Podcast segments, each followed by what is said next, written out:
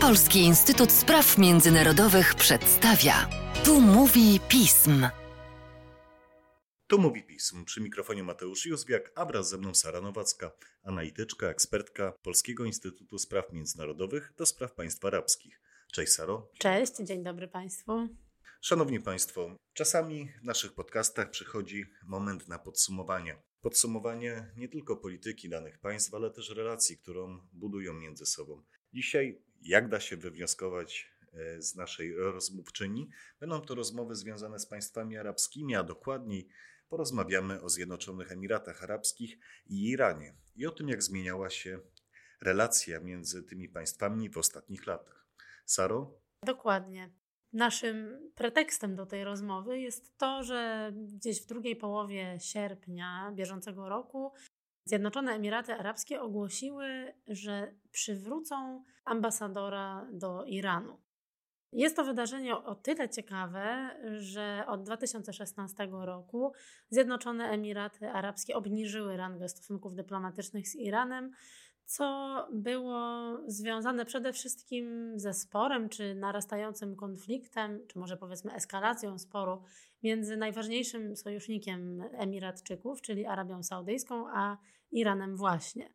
Wówczas to w Arabii Saudyjskiej doszło do egzekucji, przeprowadzono egzekucję bardzo ważnego duchownego szyickiego Nimra, który krytykował rodzinę królewską Arabii Saudyjskiej i w zasadzie to było jego główne przewinienie.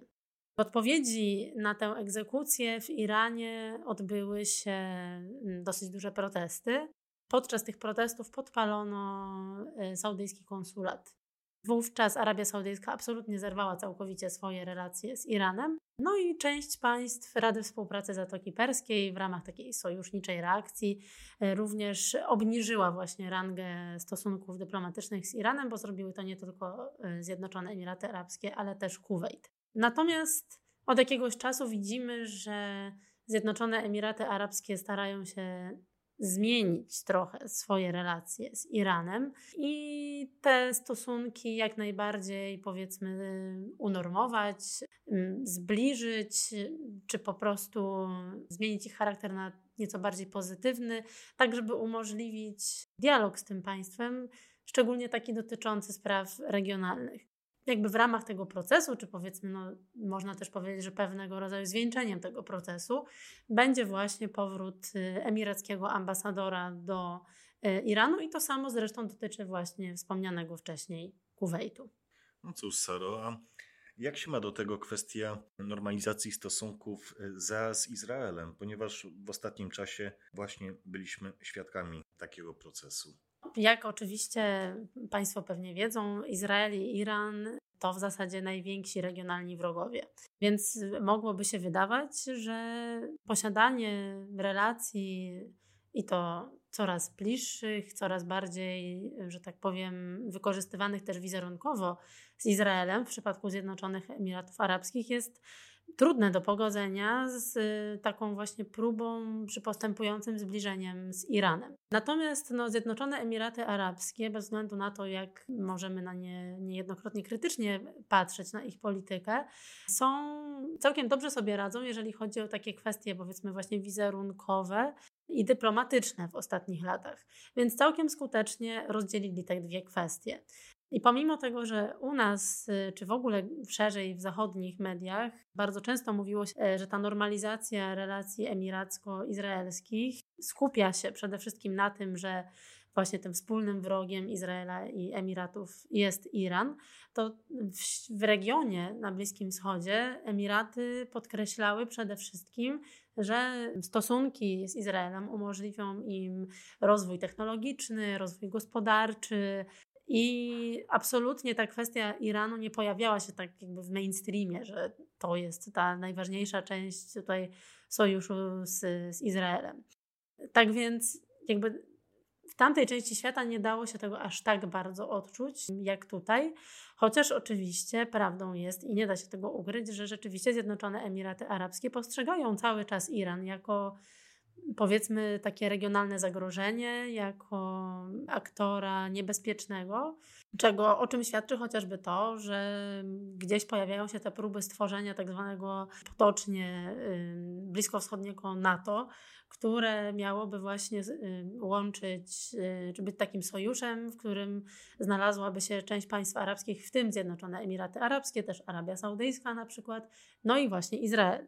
Więc dosyć oczywiste jest, że no, tym zagrożeniem, przeciwko któremu sojusz miałby się zwracać, jest oczywiście Iran. Więc jakby z jednej strony rzeczywiście nie ma konsensusu między Zjednoczonymi Emiratami Arabskimi a Izraelem co do tego, jak sobie z Iranem radzić, y, bo Emiraty są na ten moment po tej stronie, że najlepszym sposobem na poradzenie sobie z tym zagrożeniem ze strony Iranu jest właśnie dialog, jest nawiązanie jakiejś współpracy.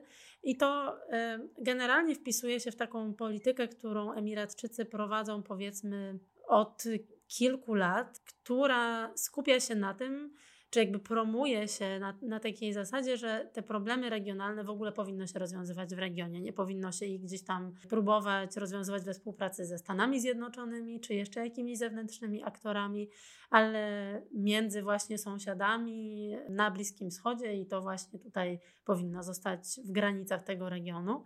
No a Izrael z drugiej strony jest oczywiście dużo bardziej takim adwokatem użycia siły przeciwko Iranowi, y, co dla Zjednoczonych Emiratów Arabskich na ten moment widać, że jest postrzegane jako coś, co mogłoby ryzykować jeszcze większą eskalacją konfliktów, a co za tym idzie stratami gospodarczymi, co dla Emiratczyków jest bardzo istotne na ten moment. No cóż, w takim razie warto zapytać o jeszcze jednego aktora w tym regionie, ponieważ wydaje się, że Chyba możemy się spodziewać podobnego ruchu ze strony Arabii Saudyjskiej. Takie przewidywania rzeczywiście się pojawiają. Z mojej perspektywy jest chyba jeszcze trochę za wcześnie, żeby wydać taki zdecydowany osąd, ale rzeczywiście od zeszłego roku mamy taki ruch, kiedy to w Bagdadzie zorganizowano szczyt i jednym z jego elementów właśnie były takie facylitowane przez Irak rozmowy między Arabią Saudyjską a Iranem. Y, takich rund, takich rozmów do tej pory już odbyło się pięć i one jeszcze nie doprowadziły do żadnego takiego znaczącego przełomu, bo wciąż mamy takie punkty sporne, które zasadzają się na przykład na sytuacji w Jemenie, gdzie Iran wspiera bojówki Hutich, co Arabia Saudyjska postrzega jako absolutne zagrożenie dla bezpieczeństwa swoich granic. No i jeszcze kilka związanych właśnie z bezpieczeństwem punktów spornych. No niemniej e, od rozpoczęcia właśnie tych rozmów mieliśmy kilka takich sygnałów, że rzeczywiście relacje między tymi państwami, że te państwa pracują nad tym, żeby te relacje się poprawiły. Jednym z nich było na przykład zezwolenie Arabii Saudyjskiej na przybycie na tegoroczny hajj 40 tysięcy pielgrzymów e, z Iranu a drugim było przybycie dyplomatów irańskich. Natomiast to nie są jakby przedstawiciele Iranu w Arabii Saudyjskiej, tylko są to przedstawiciele Iranu w ramach e, Organizacji Współpracy Islamskiej, którym Arabia Saudyjska pozwoliła jakby korzystać z tego biura, to znaczy z ambasady irańskiej, żeby pełnili tam właśnie swoje obowiązki. No, ale jednocześnie cały czas Arabia Saudyjska, na przykład w mediach saudyjskich dosyć często pojawia się nadal krytyka, na przykład powrotu do porozumienia nuklearnego z Iranem, bo nie rozwiązuje ono tych najważniejszych właśnie z perspektywy Arabii Saudyjskiej zagrożeń, które Iran dla niej stanowi, czyli rozwoju irańskiego programu balistycznego, y, czy też nie pojawia się w porozumieniu nuklearnym kwestia wsparcia Iranu dla organizacji paramilitarnych na Bliskim Wschodzie, czy w ogóle jego aktywności w państwach arabskich. No i to dalej właśnie stanowi ten punkt, który gdzieś tam uniemożliwia taką pełną normalizację relacji między tymi państwami. No cóż, szanowni państwo, jak widać sytuacja na Bliskim Wschodzie jest dynamiczna, ale jesteśmy też świadkami bardzo ciekawych procesów, które z pewnością będą jeszcze komentowane w naszych podcastach.